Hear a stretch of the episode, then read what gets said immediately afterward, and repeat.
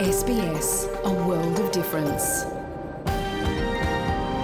You're with SBS Dutch on mobile, online and on radio. Dit is SBS Dutch op mobiel, online en op radio. Graag erkennen wij de traditionele eigenaren en verzorgers van het land, van waar we vandaag SBS Dutch uitzenden, en uiten we ons respect aan de Camaragal mensen van de Kurungay Nation en hun ouderlingen uit het heden en het verleden. Ook kennen we de traditionele eigenaren van alle Aboriginal en Torres Strait Islander landen, van waar u vandaag naar ons programma luistert.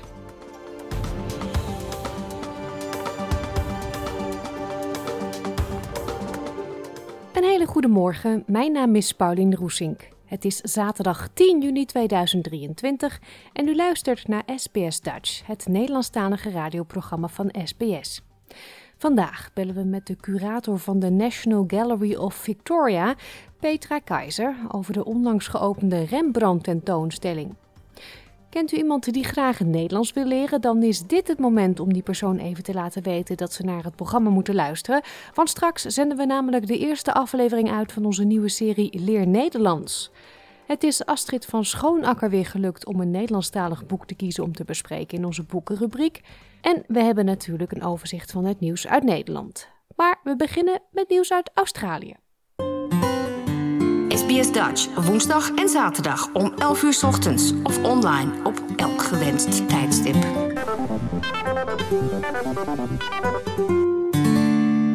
Het grootste zandeiland ter wereld, gelegen voor de kust van Queensland, heeft officieel zijn traditionele naam Gari teruggekregen. Tientallen jaren is er campagne gevoerd door de Butchulla People om het terug te veranderen van Fraser Island.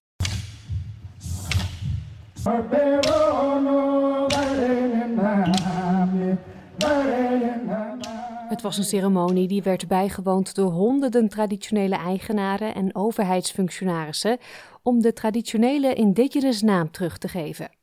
De naam Fraser Island werd bedacht door kolonisten en vernoemd naar Eliza Fraser, een overlevende van een schipbreuk. Kari, wat paradijs betekent, is nu weer de officiële naam van het eiland. De Butchulla people gebruiken deze naam al duizenden jaren als we het over het eiland hebben. De naamswijziging wordt door velen gezien als het rechtzetten van een historische fout. Way back in the first time, Biril, the god who lived in the sky, sent messenger Yindinji down to make the land and other things. Gari is spiritual created. Dat was Auntie Gail Minneken, die vertelt over de oorsprong van Gari voordat het in de jaren 1830 Fraser Island genoemd werd. De naam was een eerbetoon aan de Schotse Eliza Fraser die daar schipbreuk leed. De naam werd door het Butchella-volk cultureel ongepast geacht, aangezien Eliza Fraser een nu ontkracht verslag schreef waarin aboriginals werden afgebeeld als barbaarse, cannibalistische wildenaren. 191 years, people have been told this place is called Fraser Island. This place name has now been changed, and the Butchulla people have reclaimed their country's name. And as it was in the beginning, it never shall be, Gari. De regering van Queensland vroeg vorig jaar augustus de gemeenschap om feedback over het idee om de naam van het eiland, dat op de werelderfgoedlijst staat, officieel te wijzigen. Ze ontving bijna 6000 reacties, waarvan de meerderheid voor de naamswijziging was. De premier van Queensland, Anastasia Palaszczuk, prees de verandering als een stap in de richting van treaty.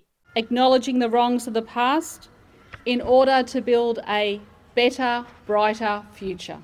In the spirit of reconciliation, we can move forward with mutual respect, recognition, and a willingness to speak and hear the truth of our shared history.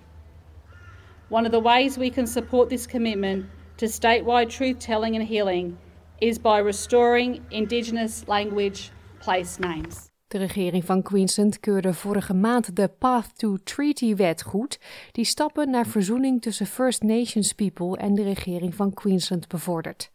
De nieuwe benoemde minister voor Treaty van Queensland, Kondamuku-vrouw Leanne Enoch, zegt dat deze naamsverandering een lang verwacht moment in de geschiedenis is. A truth that every visitor to this place has been breathing in, whether they knew it or not. Today, all of us can now benefit from the reconciled truth of what this place has always been called Gari. That truth that we are now speaking back into this land becomes part of our combined truth. The Bachelor truth, the people of Queensland's truth, the people of Australia's truth. Samen met het naamsherstel van Gari werd meer dan 19 hectare land overgedragen aan de Butchilla Aboriginal Corporation. Dit was een verhaal van Ricky Kirby en Catriona Stirat voor SBS Nieuws, door SBS Dutch vertaald in het Nederlands. In New South Wales, Victoria, South Australia, de ACT en de NT geniet men dit weekend van een lang weekend vanwege de viering van de King's Birthday op maandag 12 juni. Mensen die richting zee trekken worden gevraagd om voorzichtig te zijn, gezien één op de zes sterfgevallen door verdrinking aan de kust plaatsvindt in de winter. En uit een nieuw onderzoek van Surf Life Saving Australia blijkt dat het risico op verdrinking groter is tijdens feestdagen. U hoort Shane Doll, co-auteur van het onderzoek Public Holiday and Long Weekend Mortality Risk in Australia. In particular, what we know is that on public holidays, uh, the drowning toll basically doubles. And then over long weekends, it even gets even worse than that. And what we do know is that it's those infrequent visitors coming down to the coastline looking to recreate for that short little getaway. And therefore, they're getting themselves into uh, vulnerable situations which are putting them at risk and ending up being uh, very tragic stories in the end. Het onderzoek, gepubliceerd in het Australian and New Zealand Journal of Public Health, analyseerde de sterfgevallen aan zee over een periode van 17 jaar, van 2004 tot 2021. In die 17 jaar kwamen 185 mensen om op feestdagen en 167 tijdens lange weekenden.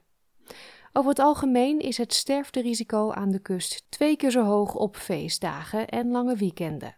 Waar ligt dat aan? Onderzoeksassistent Luc Strasiotto van Surf Life Saving Australia zegt dat het komt doordat het tijdens vakantieperiodes drukker is aan de kust en mensen zich anders gedragen in groepen. People are probably more relaxed and prone to taking some risk-taking behaviors. But the fact that we saw, for instance, a higher risk of mortality of the people who are participating in activities with others uh, indicates that kind of social nature. Uit de studie bleek dat kinderen jonger dan 16 jaar en residents die in het buitenland geboren zijn het meest kwetsbaar waren. Co-auteur van de studie en GM van Coastal Safety bij Surf Life Saving Australia, Shane Doll, zegt dat mensen die zoeken naar korte uitstapjes over het algemeen naar gebieden gaan waar ze normaal niet komen. We know, for example, that snorkeling and scuba diving um, frequent very highly in the fatality rates over these periods of time. Um, we also know that young children um, are also at higher risk, up to around about 16 years of age, during these long, uh, long weekends and, and public holidays.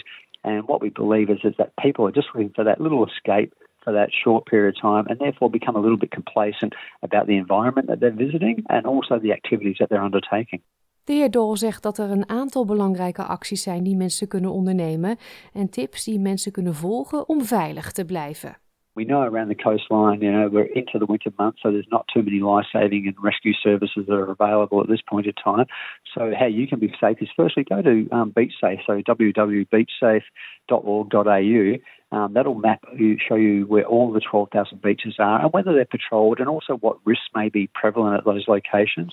But what we're also suggesting to people is if you do find yourself in an unpatrolled location, adopt a stop, look, plan approach. And by that, what we mean is stop and check for any hazards, e.g., is there any rip currents that you can see?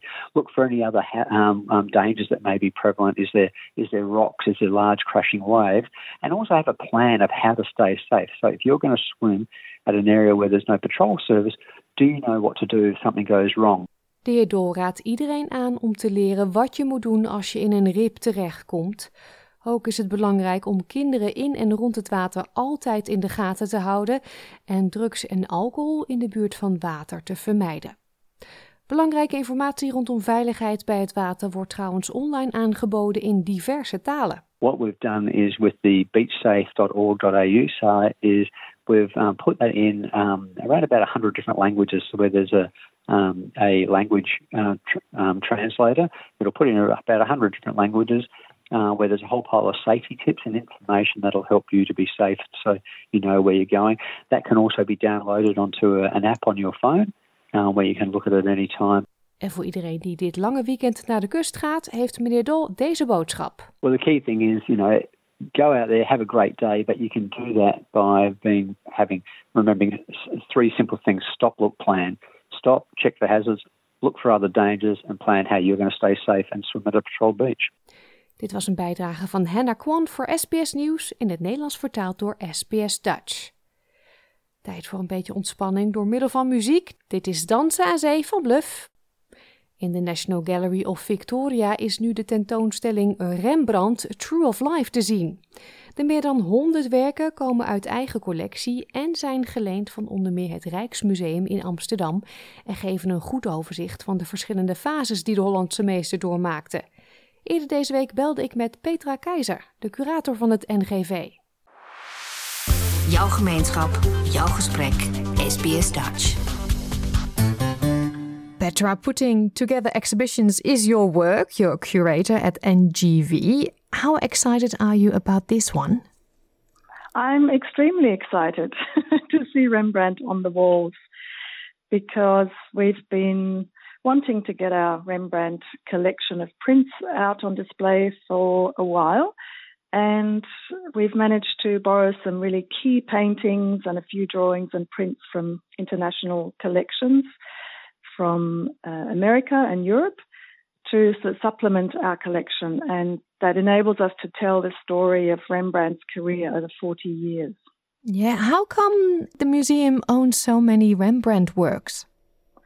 We've got a collection of about 130 Rembrandt prints and two paintings. So they came in at different times, but uh, we, it started, the Rembrandt collection started with 11 etchings that were um, purchased from the Seymour Hayden collection. And he was an artist himself and had probably the most important Rembrandt collection in the 19th century.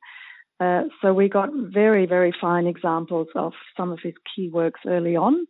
So that's about 130 years ago, and we've been collecting and adding to it ever since.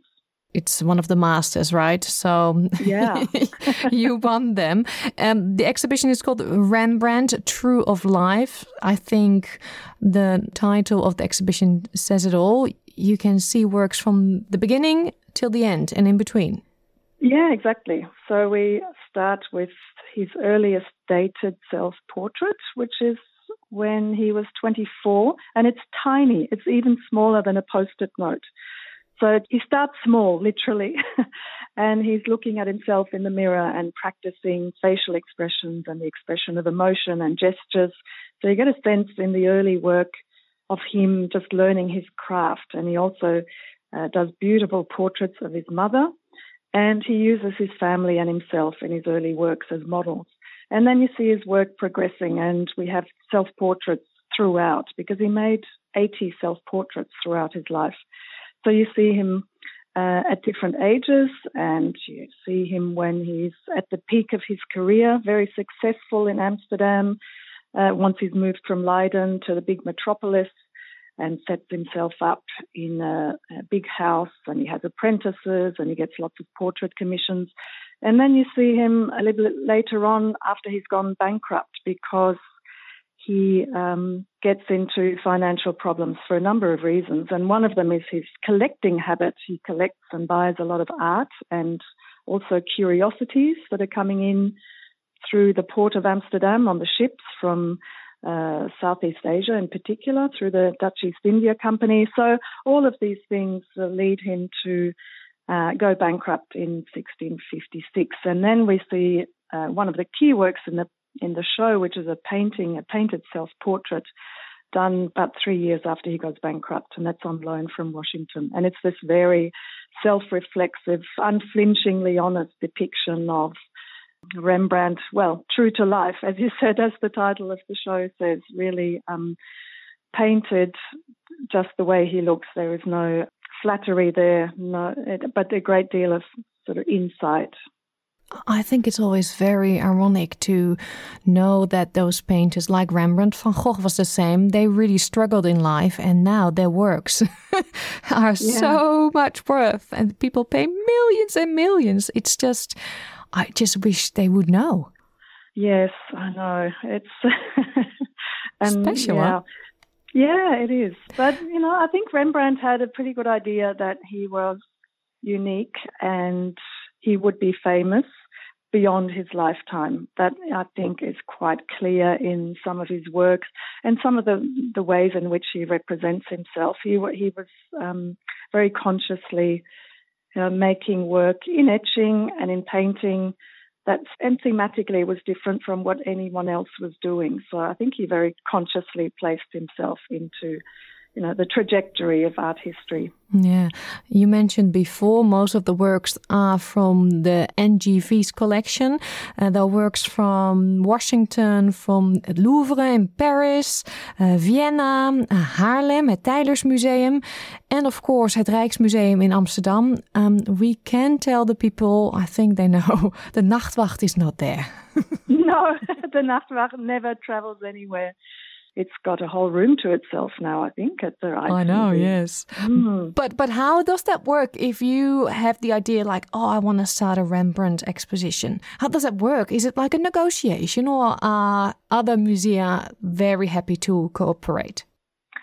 Um, in principle, they're very happy to cooperate, but it is it's a negotiation, and you need contacts and you need to offer something in return, but it doesn't have to be very, you know, direct. It's about re- establishing relationships with other museums and showing goodwill. And in the longer term, we will be able to do things for them. So it's a sort of give and take.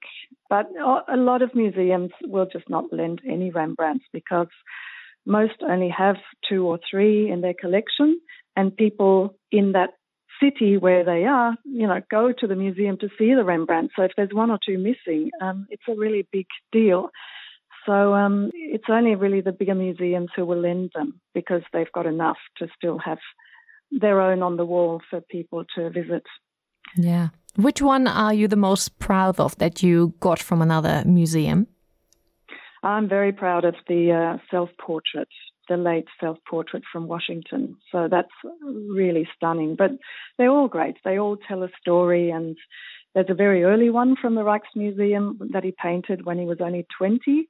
So that's really interesting in terms of seeing how he develops. And then we've got this great landscape. That's the la- largest landscape painting he ever did. It's also from Washington. And beautiful drawings from the Tyler's Museum. So they're all great. And they all add to the sort of variety of his work. So we can show his nudes, his landscapes, his biblical subjects, his portraits, and also tell the family story because we've also got a portrait painting by his third partner and his son, Titus. So, um, yeah, it's, it's really exciting to, to see all that come together. Yeah. The uh, exhibition opened last weekend. How were the responses?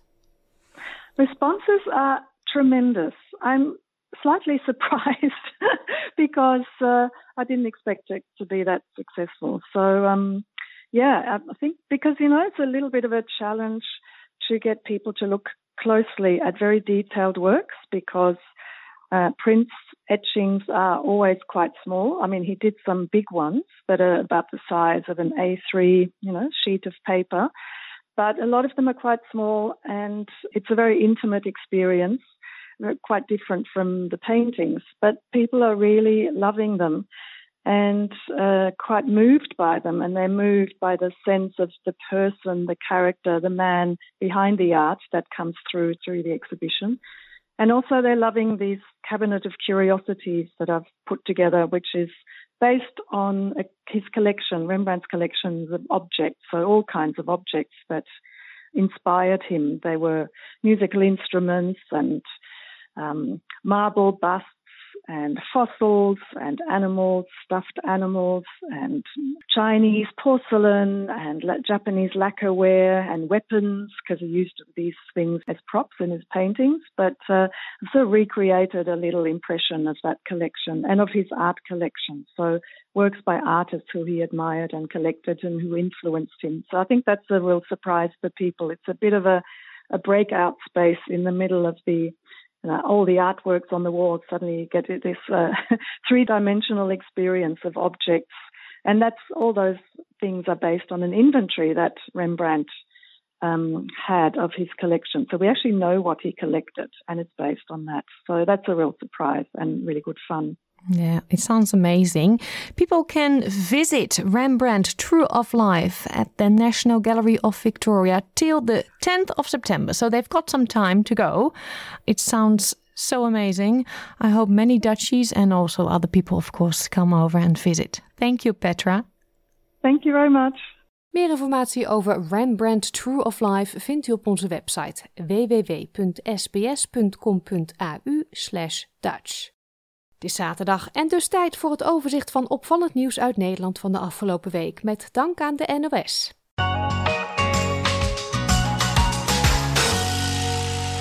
Het zeer populaire Pieterpad bestaat 40 jaar. De ruim 500 kilometer lange wandelroute van Pieterburen in Groningen naar de Sint-Pietersberg in Limburg trekt jaarlijks duizenden mensen. Het was de moeder van Maarten Goorhuis, de directeur van Stichting Pieterpad, die samen met een vriendin het Pieterpad bedacht. Het is eigenlijk gewoon begonnen als een soort hobbyproject van mijn moeder en haar vriendin. Die uh, een vaste afspraak hadden om elke maand een paar dagen aan de wandel te gaan. Ja, en ja, dan is het fijn om een beetje een doel te hebben. Dus uh, ze hadden bedacht om van, uh, van Tilburg naar Groningen te lopen, hun beide woonplaatsen. Toen kregen ze de brainwave van, hé hey, verrek, je hebt in Maastricht de Sint-Pietersberg. En boven Groningen heb je Pieterburen. Uh, dan heb je een Pieterpad. Van de huidige route van 505 kilometer is ongeveer nog 40% oorspronkelijk Pieterpad. Uh, wat in 1983 uh, geopend werd. Het landschap verandert ook voortdurend. Nederland is in beweging. En dat betekent dat de route ja, die moet meebewegen. Je ziet het niet elke dag. Een akker dat bezaaid ligt met stro. Aardappelteler Hilco Bos probeert met deze milieuvriendelijke methode zijn gewassen te beschermen tegen platluis. De Groninger hoopt zo te voorkomen dat zijn aardappelen ziek worden. Dat doen we eigenlijk om, uh, om luizen in verwarring te brengen, zodat ze de aardappelplanten niet kunnen vinden en uh, geen virusziekte over kunnen dragen. Nou, er zijn eigenlijk twee theorieën. Het eerste is, ze kunnen geen goed verschil zien tussen geel en groen. Dus ze kunnen eigenlijk de planten niet vinden en verdwalen in het stro. Andere theorie is dat ze deze kleuren, dat stro wat associëren met herfst. En dat ze denken van, hé, hey, dat zijn afstervende planten, daar moeten we niet zijn. We vliegen het hele perceel voorbij. Hoe dan ook, uh, ze komen veel minder op de aardappelplanten terecht. Wij hebben vorig jaar voor het eerst uh, toegepast op ons bedrijf. En ja, toen waren we daar heel enthousiast over. Uh, we zijn nog wel even benieuwd. Ja, als je nou een hele natte zomer of herfst krijgt, krijg je ook last van met oogsten. Want vorig jaar ging dat wel goed, maar toen was het ook allemaal droog. Dus ja, daar zijn we eigenlijk nog wel benieuwd naar. Maar ja, als dat goed gaat, dan uh, verwacht ik wel dat dat uh, meer opgang gaat vinden. We blijven nog even in Groningen. Bussen vol met gedupeerden vertrokken vanuit die provincie naar Den Haag. Het kabinet moest zich tijdens een debat met de Tweede Kamer namelijk verantwoorden over de gaswinning. En de Groningers wilden daarbij natuurlijk aanwezig zijn om een statement te maken. U weet dat wij als Groningers weinig vertrouwen hebben. Ik heb uh, 88 scheuren en ik moet nu nog 41 scheuren stuk voor stuk bevechten. Denkt u dat het wat uitmaakt dat u daarheen gaat? Nou, al is het maar om veldbrief te steunen. Want wij als Groningers zijn, uh, zijn gelukkig met veldbrief. Denkt u dat het wat uitmaakt dat u met z'n allen naar, de, naar Den Haag gaat? Nou kijk, wij zijn begonnen met acties een x-aantal jaren geleden. Als we toen niet waren begonnen, was er ook niets tot stand gekomen. En dan was het kabinet gewoon doorgegaan met het winnen van gas. Ik vind dat niets doen helpt niet. En ik vind dat we daar moeten zijn en dat we zoals Groningers recht in de ogen moeten kijken. En, uh, uh, dus ik vind het eigenlijk, ja, het is een stukje geschiedenis. En uh, laten we maar zien dat we er nog steeds zijn en nog steeds staan. En eigenlijk ook nog steeds wel boos zijn. In Tilburg vonden deze week de landelijke Drone Cup finales plaats. Scholieren uit het hele land deden mee en moesten verschillende taken volbrengen, waaronder een drone race. U hoort organisator Jordi van Loon. 3, 2, 1, go! En ze zijn weg! De Dronken Finals is een landelijke competitie voor middelbare scholieren. En dat is verspreid over allerlei verschillende onderdelen. Ja, ze doen allemaal mee aan een lesmodule. En dan krijgen ze eerst bijvoorbeeld een les over een onderdompeling in de wereld van drones. En vervolgens krijgen ze eigenlijk een challenge dat er een drone race op een eigen school ehm, wordt gehouden. En daarmee gaan ze aan de slag. Dus de meest gave obstakels. En de winnaars daarvan, die mogen dus vandaag hier naartoe komen. Nou, er is een tekort in de techniek. En eigenlijk willen wij met onze lesmodules laten zien dat techniek niet saai is, maar dat het echt heel gaaf is. En iedereen vindt het vet om met een drone te gaan vliegen. En eigenlijk zijn ze dan onbewust al bezig met de techniek. En zeker als ze met die obstakels aan de slag gaan. Voor het Centraal Station van Rotterdam staat sinds vorige week een standbeeld van een gewone vrouw. Het beeld met de naam Moments Contained is 4 meter hoog en zorgde op sociale media voor veel discussie. De Rotterdammers zelf zijn wel enthousiast. Het is heel mooi om te zien, zo'n donkere beeld dat daar staat. Ja, ik ben zelf ook van een negroïde afkomst, dus het is prachtig. Ik kwam aanlopen vanuit het station. Ik dacht, ja, dit, is, dit moet hier zo zijn. Het is heel krachtig en heel stoer. En ja, ook, ook Rotterdam als een stad van heel veel uh, verschillende uh, bevolkingsgroepen. Zo'n beeld gaat daar vanuit een ander perspectief mee om. Ja, dat vind ik ontzettend goed geslaagd. Het is sowieso gewoon een mooi beeld. Het is eindelijk een keer uh, niet iemand die per se iets gedaan heeft, maar gewoon een normale burger. Snap je? Dat vind ik mooi. En dat betekent voor mij ook heel veel. Want ik ben ook gewoon een normale burger, dus ik herken me. Als ik in mijn vrije tijd rondloop, dan loop ik ook erbij rond in Nike's trainingspak. Precies, snap je? Het is gewoon een beeld van normaal iemand. Tot zover dit willekeurige weekoverzicht van deze week met dank aan de NOS.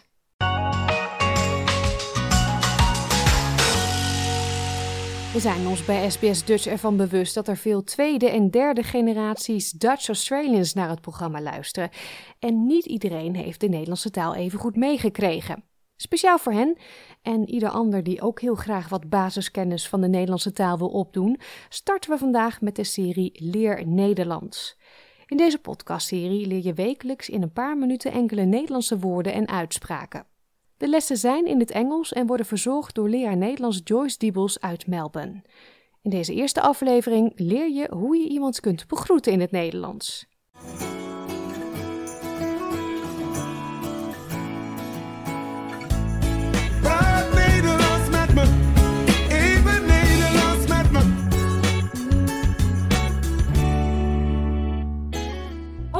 Hoi, Joyce from Dutch with Joyce. I am Joyce, and today we are talking about greeting in Dutch. So there's different ways of greeting, and culturally there are a lot of dialects. So that means that there's a lot of different ways to say hi and bye in Dutch. But for now, we'll discuss the general ways of saying hi and bye. So let's start with hi. The most formal way of saying hi is hello, hello, hello.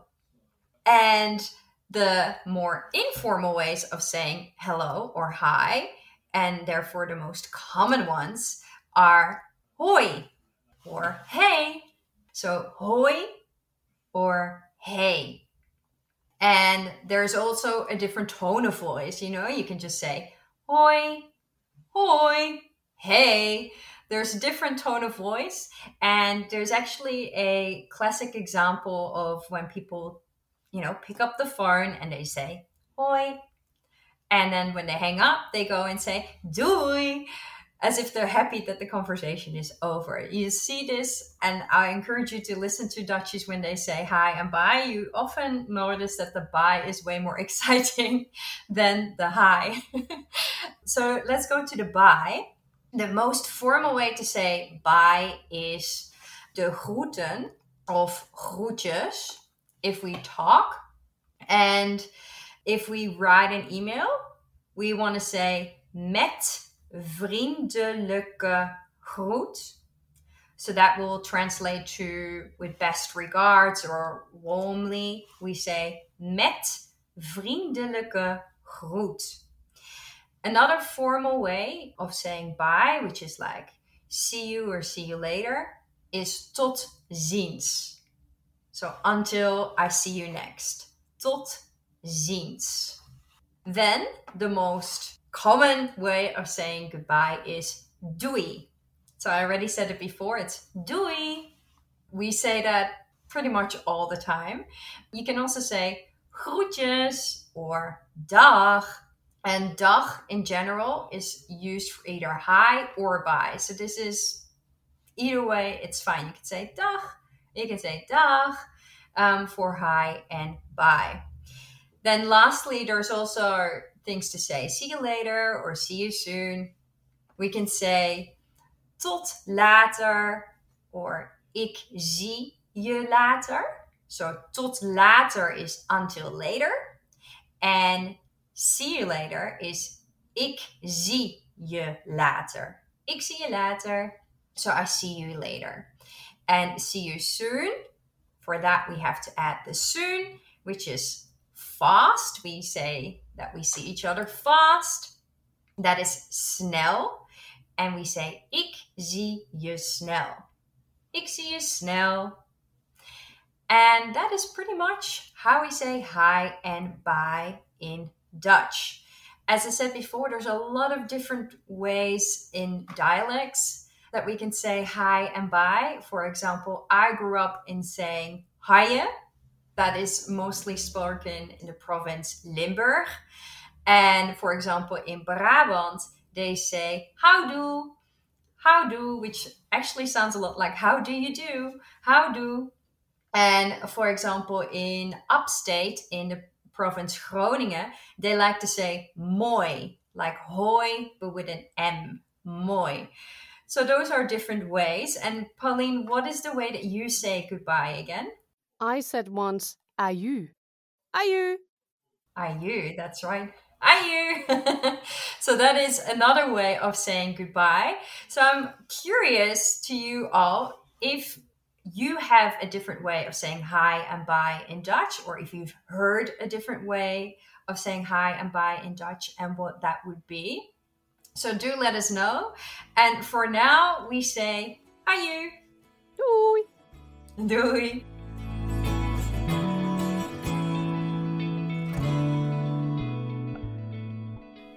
Een overzicht van alle woorden die zojuist besproken zijn vindt u op onze website www.sbs.com.au/dutch. Een boek lezen is goed voor de ontwikkeling van je taal en dus besteden we bij SBS Dutch iedere maand aandacht aan literatuur. En het is onze boekenrecensent Astrid van Schoonakker ook dit keer weer gelukt om één Nederlandstalig boek te selecteren, maar gemakkelijk ging dat deze keer niet. Dit is SBS Radio Dutch. Astrid, hoeveel boeken lees je ook alweer per maand zo ongeveer? Nou, gemiddeld toch wel zo'n stuk of vier, denk ik. Tenzij er een hele dikke bij zit, maar dan weer wat minder. Maar daar komt het wel een beetje op neer, denk ik. Ja, dus dan is het best wel knap dat je elke maand één boek kunt uitkiezen. Maar daar had jij dit keer wat meer moeite mee, hè? Ja, dat klopt. Naast dat ik ook niet alles kan lezen wat er verschijnt, uh, ja, was daardoor de keuze nog lastiger, omdat er veel verschenen is de afgelopen tijd. En uh, ja, eigenlijk hè, ik hier maar één uh, boek kan bespreken. in die zin vond ik het dit keer heel moeilijk. Want nou ja, ik kan je even vertellen waar ik dan uit. Op een gegeven moment heb ik het teruggebracht tot drie boeken. en twee daarvan zijn het niet geworden. Terwijl dat wel, die wil ik hier wel even graag noemen. Want dat is bijvoorbeeld het nieuwste boek Kalle van Bert Wagendorp. En wij hebben natuurlijk ooit in aflevering 10 uh, het eerste boek van die trilogie, Phoenix, hebben wij toen besproken. Dat was het boek waarin uh, de hoofdpersoon Abel uh, begin van de vorige eeuw met zijn familie uit Winterswijk naar Amerika emigreert.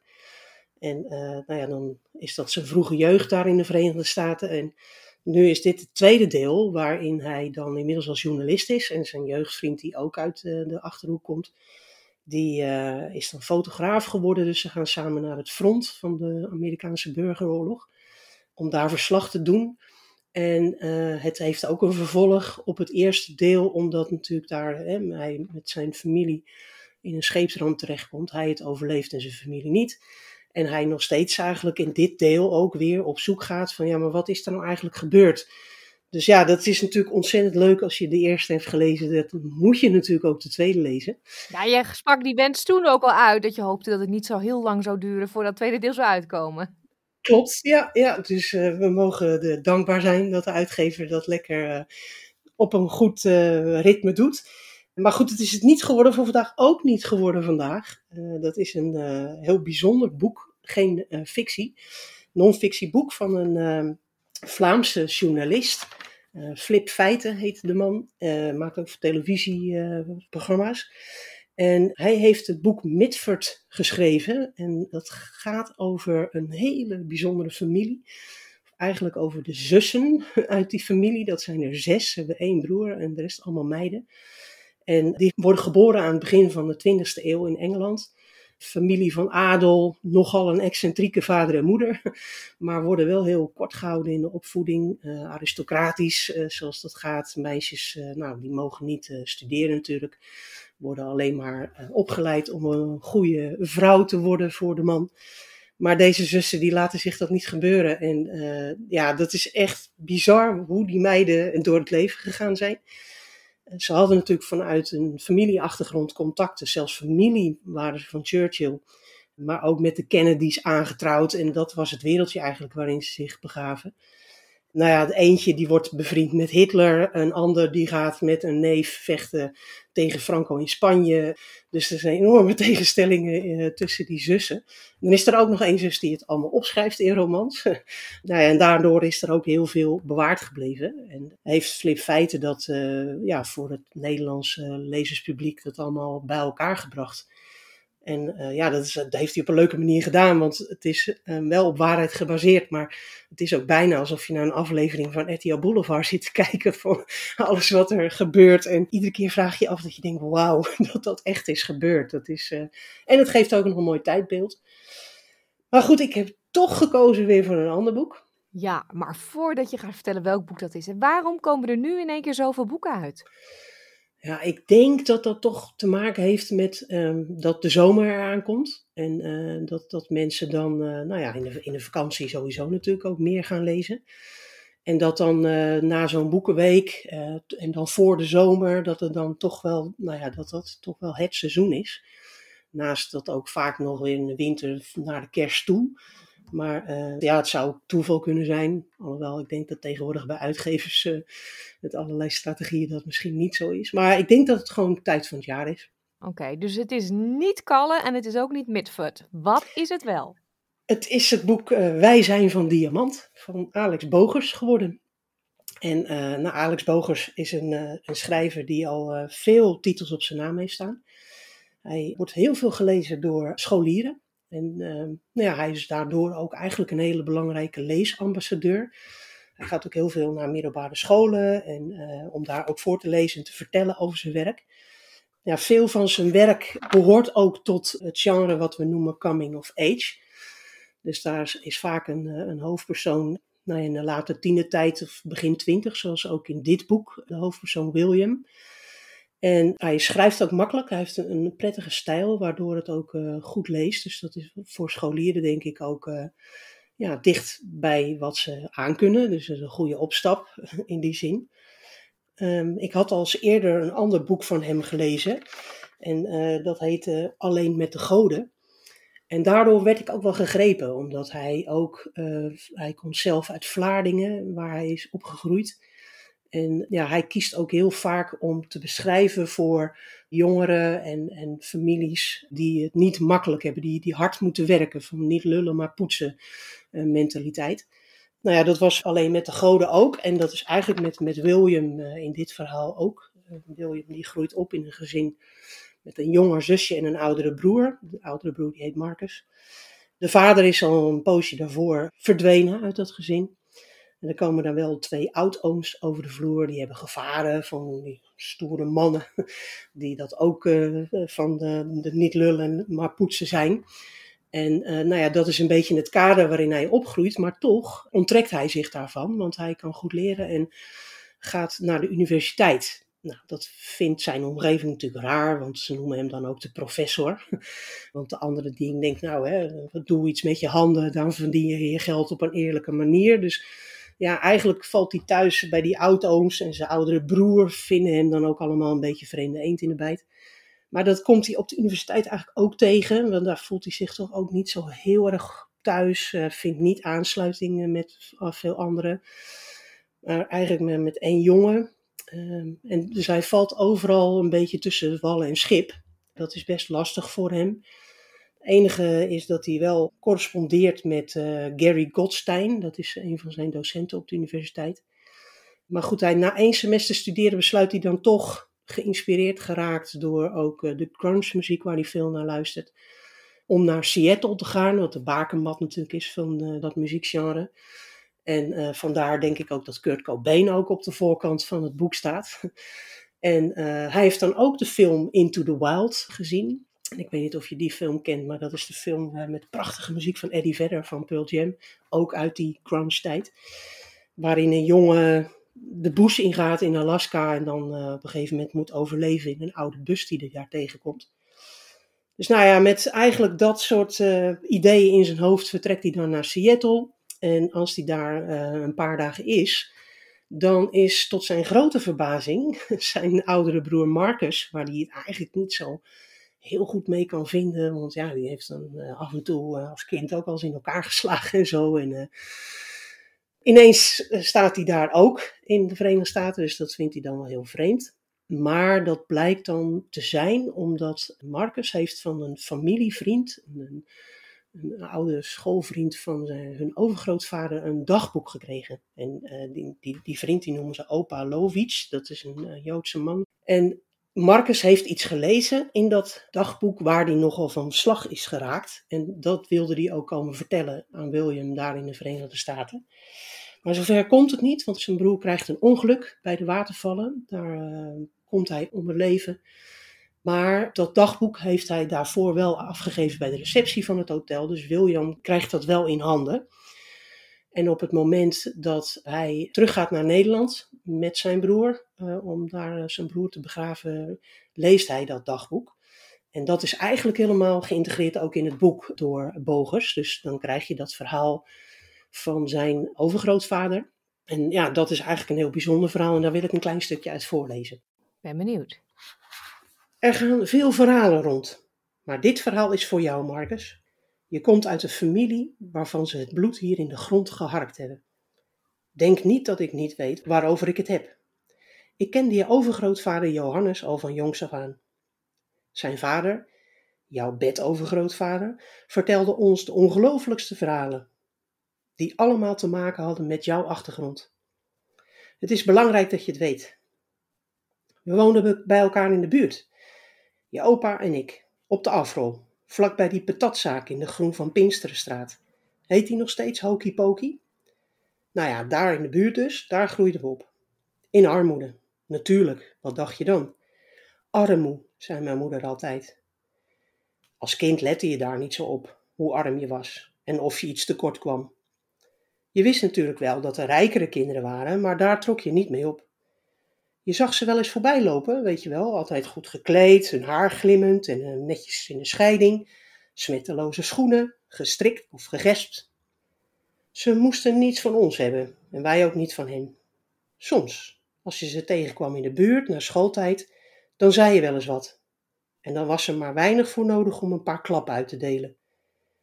Iedereen sprong op elkaar, Totdat de wijkagent of een marktverkoper zich ermee ging bemoeien en een rotte appel naar je kop smeet. Waarna we door de stegen van de stad verdwenen. Je moest je niet laten grijpen, want dan kreeg je een paar klappen van de wijkagent op de koop toe. En als hij je thuis afleverde, dan kreeg je er thuis nog eens van langs. Hij heeft een oorvijg verdiend, mevrouw, zei hij dan. Het zal niet meer gebeuren, agent, beloofde mijn moeder. Ze had de deur nog niet dicht gedaan of ik kreeg een pets tegen mijn achterhoofd. Hoe durf je mij zo te beschamen? schreeuwde ze. Je bezoedelt onze naam. Dat komt vast door die jongen van Van Zalm. Hoe vaak heb ik nu niet gezegd dat je niet met hem om moest gaan? Zijn hele familie deugt niet, hoor je me? Niets dan getijsem. Die jongen van Zalm, dat was jouw opa. En zijn familie had blijkbaar geen goede naam. Ik wist niets van onze goede naam, maar mijn ouders waren ervan overtuigd dat de mensen in de buurt ons zagen als eervolle burgers. Mijn ouders deden ook altijd hun best om er netjes uit te zien, weet je wel? En mijn vader verdiende ook behoorlijk in de vleesindustrie, zoals hij het altijd noemde. Dus soms konden ze zich wat veroorloven. Dan had mijn moeder een nieuw hoedje of een manteljas die ze thuis in plastic bewaarde. Maar we behoorden ook weer niet tot de middenklasse. Tegen je opa zei ik: Ik mag niet meer met je omgaan. We zaten bij de haven aan de rand van de kade en onze benen bungelden boven het water terwijl we naar de boten keken die voorbij voeren. Meestal van die verroeste loggers, walvisvaarders of klagerige, gebutste vissersboten, die meer verhalen te vertellen hadden dan wij ooit zouden verzinnen. Dat dachten we in ieder geval. Als je op een boot zat, dan kon je tenminste weg. Ik zeg niet dat we het romantiseerden, maar als we naar die mannen keken aan dek, die bezig waren om aan te meren en de haring te loodsen, en je zag die verweerde koppen, de checkies in de mondhoeken en de brede grijns op hun gezicht, terwijl ze aan het werk waren en je een knipoog gaven, dan leek het of ze een geheim bij zich droegen. Geweldig vonden we dat. Waarom niet? vroeg hij. Ik haalde mijn schouders op. En ondertussen keken we naar de versleten schoenen en de kabbelige, zilverige golfjes die tegen de mossige kade klotsten. Nou, dat is uh, begin van het dagboek. Nou ja, daar wordt eigenlijk een vriendschap voor het leven uh, geboren. En dat het hele verhaal wordt verteld en uh, in een notendop. ze krijgen veel ellende te voortduren, ook door de Tweede Wereldoorlog. En de hele, nou ja, de holocaust komt op die manier ook heel dichtbij de lezer. in dit geval als dat jongeren zijn, eh, dan denk ik dat dat heel goed is. Daarom hoop ik ook dat veel jongeren dit boek ook zullen gaan lezen, omdat we nou ja, vorig jaar in Nederland eh, de resultaten van een Amerikaans onderzoek bleek dat 20% van de jongeren in Nederland ontkent de holocaust. Dus ik denk dat het op deze manier, als dit verhaal hè, die lezers komt, dat ze dan hopelijk daar weer anders over gaan denken. En ik denk dat dat hele grote kans van slagen heeft, omdat ehm, wat je hier ook een beetje merkt uh, aan dit fragment, uh, is dat deze jongens ook tussen twee culturen vielen. Dus het, rijk en het arm. En nou ja, geen, de kansengelijkheid waar nu vaak over gesproken wordt, die was er toen ook hè, niet echt. En dat, dat is nu weer. Dus er zijn eigenlijk heel veel parallellen te zien met hopelijk dus de vele lezers onder de scholieren die dit boek ook gaan lezen. En ook voor de niet-scholieren, maar de oudere lezers onder ons, zoals wij, is het ook heel erg een mooi boek in die zin, om de worsteling te zien van die jonge mensen. En het is ook spannend, want um, gaandeweg kom je er als lezer achter dat het misschien niet zo zeker is dat uh, Marcus gevallen is van die waterval. En is het de vraag of er niet ook iets anders is gebeurd ja, dan wil je natuurlijk wel doorlezen om erachter te komen wat daar nou werkelijk is gebeurd. En dat uh, maakt het onder het verhaal, wat een heel mooi verhaal is van de generaties daarvoor, geeft dat ook wel weer spanning voor de lezer. Dus ja, ik vind dit een, echt een aanrader. Klinkt spannend. Wij zijn van Diamant. Klopt. Die voegen we toe aan de boekenkast. Dankjewel Astrid. Graag gedaan. Tot zover deze uitzending van SBS Dutch. Op onze website www.sbs.com.au/dutch kunt u de aflevering van vandaag en al onze andere verhalen en podcastseries terugluisteren. Heeft u een smartphone of tablet, dan kunt u ook de SBS Audio app downloaden. Deze app is gratis en te vinden in de Apple Store of Google Play. We sluiten af met muziek van de Dizzy Band. Kent u die nog? De band uit Zaandam met zanger Jacques Cloes debuteerde in 1970 met het nummer Ticket To, waarin een melodielijn van Creedence Clearwater Revival geleend was. In 1971 brachten de mannen het nummer A Matter of Facts uit, waarin heerlijke blazers en een lekkere gitaarsolo te horen was. En met dit nummer sluiten we deze uitzending dus af. Ik wens u een heel fijn weekend en hopelijk tot woensdag. Like, deel, geef je reactie. Volg SBS Dutch op Facebook.